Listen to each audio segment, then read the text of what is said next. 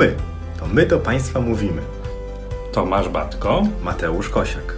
My jesteśmy lekarzami, twórcami portalu eduson.pl I postanowiliśmy trochę urozmaicić portal eduson.pl i zamieścić na nim podcasty. Jednym z elementów opisu badania ultrasonograficznego są wnioski, a często w tych wnioskach piszemy, bo powinniśmy, piszemy, bo nam się zdarza, piszemy, bo może tak wypada, bo może na wszelki wypadek warto zrobić badanie kontrolne. I jest to jedno z najczęstszych pytań, jakie spotykamy podczas różnego rodzaju spotkań z ultrasonografistami, konferencji, kursów ultrasonograficznych, pytań, które są zadawane przez kursantów i uczestników tego typu spotkań. Panie doktorze, a kiedy pan zaleci kontrolę widocznej zmiany ogniskowej w wątrobie, trzustce, śledzionie? Czy należy kontrolować i jak często torbiele, nerek itd., tak itd. Tak Każdy z nas, pacjentów również, oczekuje jasnej odpowiedzi. Nie tylko co dalej, jakie badania zrobić, wtedy kiedy widać coś nieprawidłowego, ale też kiedy kontrolować tego typu zmiany w badaniu USG. Ten termin kontrolnego badania dla niektórych zmian patologicznych my znamy. Dla niektórych zmian patologicznych to jest to bardzo precyzyjnie określone. Taka sytuacja ma miejsce w polipach pęcherzyka żółciowego, kiedy kontrolujemy co 6 miesięcy przez 2 lata, oczywiście w określonych grupach, podgrupach naszych pacjentów. Taka sytuacja ma też miejsce w przypadku klasyfikacji BIRAC w sonomammografii, że BIRAC USG3 kontrolujemy co pół roku. Podobnie jest ze skalą TIRAC w tarczycy.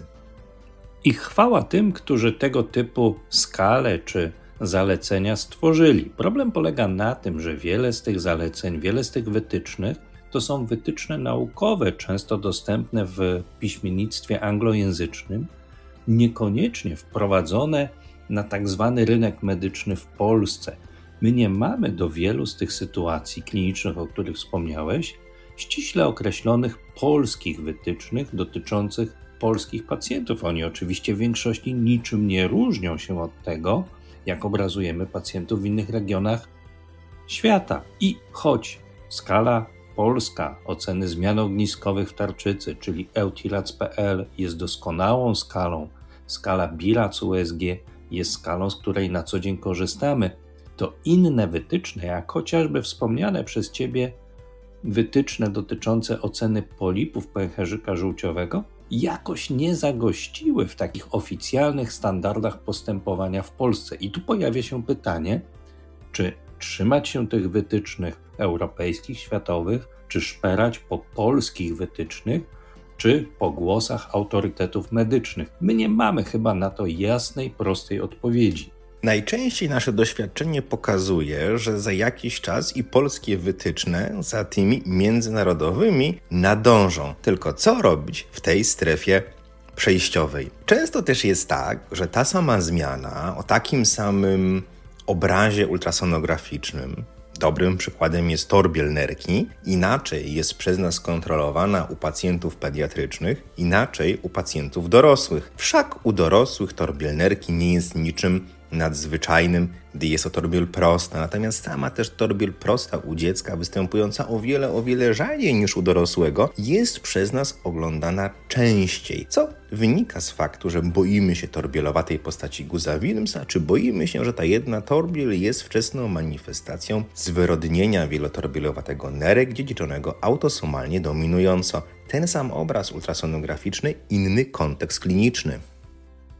I często te nasze obawy są też wynikiem, znowu wracamy do poprzedniego tematu, braku wytycznych. No bo wbrew pozorom, torbiel prosta nerki, torbieli prostej nerki jest równa. Ona ma te same cechy ultrasonograficzne i u pacjentów dorosłych, i u pacjentów pediatrycznych. Ale przez to, że występuje dużo rzadziej u pacjentów pediatrycznych, przez to, że to jest pacjent w okresie rozwoju swoich narządów, swojego ciała, wielu układów, które funkcjonują w człowieku, my często patrzymy nieco uważniej na tego typu zmiany, bo one rzeczywiście mogą innej bądź szybszej ewolucji ulegać. I też trzeba zwrócić uwagę na to, żebyśmy zachowali pewne tutaj proporcje, że chociażby nowotwory nerek u dzieci występują zdecydowanie, zdecydowanie rzadziej, wielokrotnie rzadziej niż u pacjentów dorosłych. A z jakiegoś powodu my się tych zmian ogniskowych boimy u dzieci jako zmian podejrzanych o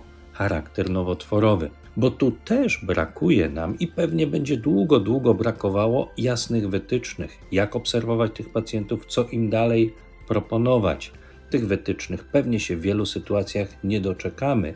I tu najważniejszy jest zdrowy rozsądek w domyśle, wiedza i doświadczenie, nie tylko radiologiczne, ale też kliniczne osób, które wykonują badania USG. Podobna sytuacja do tego, o czym przed chwilą powiedziałeś, jest w przypadku uwidocznienia u pacjenta pediatrycznego zmiany w tarczycy, której to obraz ultrasonograficzny odpowiada odszczepionej tkance grasicy. Nie ma wytycznych bardzo sztywnych, twardo podchodzących do tego, kiedy takie badanie kontrolne wykonać. Zdrowy rozsądek mówi, żeby pierwsze zrobić po trzech miesiącach, kolejne po trzech, a potem ten okres można już stopniowo wydłużać. Ale pamiętajmy o tym, że nie jest to postępowanie oparte na bardzo silnych dowodach naukowych, nawet bardzo trudno liczyć na to, że tak owe powstaną w stosunku do zmian, których średnica często przekracza bądź nie, czy oscyluje w granicach 3-3,5 mm. A też choć wydawałoby się, że wiele wody upłynie, zanim my się doczekamy pewnych wytycznych, to też wielu ultrasonografistów na całym świecie zauważa pewne zmiany ogniskowe przez nas wcześniej nieopisywane w badaniach ultrasonograficznych, jak wspomniana przez Ciebie odszczepiona czy ektopiczna tkanka grasicy, widoczna w tarczycy u pacjentów pediatrycznych. I znowu tu odniosę się do tego poruszonego przez Ciebie tematu, bo to jest dobry temat do rozmowy o tym, kiedy tych pacjentów kontrolować. Pojawiły się publikacje amerykańskie, które mówią, że jeżeli jest to mała zmiana, w domyśle mniejsza niż 5 mm, o typowych dla odszczepionej tkanki grasicy cechach ultrasonograficznych, bez żadnych obciążeń ultrasonograficznych czy genetycznych u naszego pacjenta i bez dodatkowych cech, które kazałyby nam kontrolować tego typu zmiany, to my tak naprawdę u pacjenta małoletniego, czyli poniżej 10 roku życia, nie mamy konieczności kontrolować tego typu zmian. Tylko kto z nas odważy się nie skontrolować choć raz takiej zmiany u kilkuletniego pacjenta? Chyba nie ma odważnego, doświadczonego ultrasonografisty, który powie: Pani dziecko jest zdrowe, to jest fragment prawidłowej tkanki, on pewnie sobie zniknie, nie badajmy tego wcale. Zawsze jest pewne ryzyko, że coś się jednak tam może kiedyś u naszego pacjenta zdarzyć. Ten pierwszy lekarz, który wykrył taką zmianę ogniskową, ma stosunkowo paradoksalnie prostą robotę, bo on zaleca kontrolne badanie ultrasonograficzne. Ale z czasem wyzwaniem zaczyna być to, kiedy tej kontroli zaprzestać. Czy w ogóle jej zaprzestawać? Tu mówię szeroko, już teraz odchodzimy trochę od tkanki grasiczej w tarczycy, ale takie naczyniaki u dorosłych, gruszolako-włókniaki, piersi, stabilne od wielu lat. Kiedy powiedzieć dość? Czy jest taki okres, po którym powiemy, że z tej zmiany już nic innego nie będzie? Bo czasami obserwuję z pewną taką empatią i współczuciem moich pacjentów, którzy kontrolują sobie zdrowie, bo tak kiedyś kazano. I teraz gdzie jest ta granica, żeby nie robić badań, bo ktoś ma naczyniaka wątroby, gruczolako włókniaka gruczołu piersiowego, ale robić badanie z myślą, czy nie ma nic poza tym, o czym już wiemy.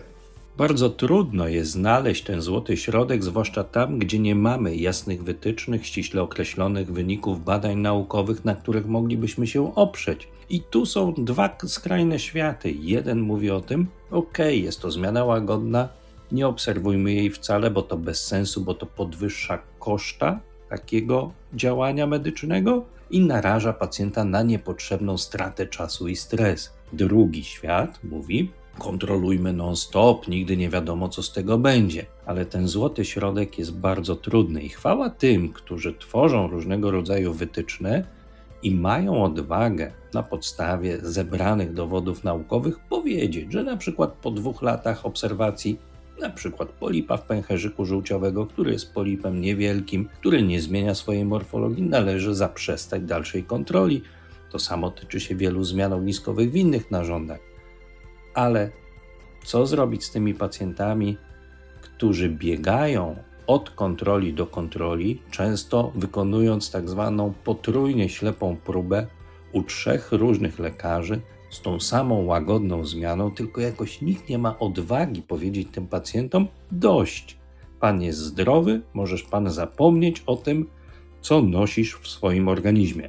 Ten trend, o którym powiedziałeś, takiego stopniowego liberalizowania się niektórych wytycznych, jeśli chodzi o badanie kontrolne, już jest w literaturze obserwowany i myślę, że będziemy go obserwowali w dalszych latach. Oczywiście nie we wszystkich, ale wobec niektórych zmian. Nam zawsze mówiono, że problemem jest koszt, że problemem jest redukcja kosztu. Natomiast my spotykamy się obecnie z tym, że nie tylko koszt jest problemem, ale także ograniczenie dostępności do lekarza, czy ograniczenie dostępności do badań. I o tym też musimy pamiętać z tego powodu, żeby ci pacjenci, którzy naszych usług potrzebują na CITO, na szybko, ich kolejka nie wydłużała się z powodu tego, że przed nimi jest 10, którzy kontrolują zdrowie, zmiany stabilne od 10 lat. Oczywiście dla wielu z nas być może jest to jakiś sposób na życie, brzydko mówiąc, sposób na biznes, ale zawsze miejmy przed oczami tę drugą stronę, czyli naszego pacjenta i stres, który wiąże się z dodatkowymi badaniami kontrolnymi. Tu warto jest zwrócić uwagę na to, że bez względu na różnego rodzaju wytyczne, obecne bądź nie, największą zdolność do decydowania o tym, czy nasz pacjent wymaga badań kontrolnych i kiedy takie badanie kontrolne zaproponować, mamy my sami, pod warunkiem, że dysponujemy odpowiednią wiedzą na temat jednostek chorobowych, które oglądamy, odpowiednim doświadczeniem klinicznym i chęcią rozmowy z pacjentem, analizując jego historię, jego wywiad, jego dodatkowe badania, którymi przychodzi do nas, daj Boże, żeby tak było, na badanie USG.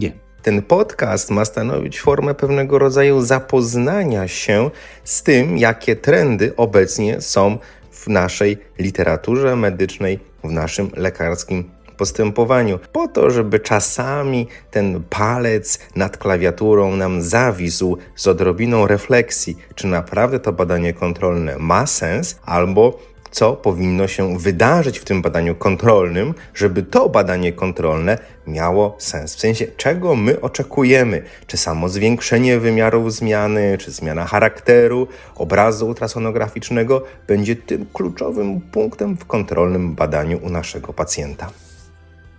I tego zdrowego rozsądku, jak i umiejętności rozsądnego grzebania po wytycznych i Państwu, i sobie życzymy. Powodzenia! Do usłyszenia.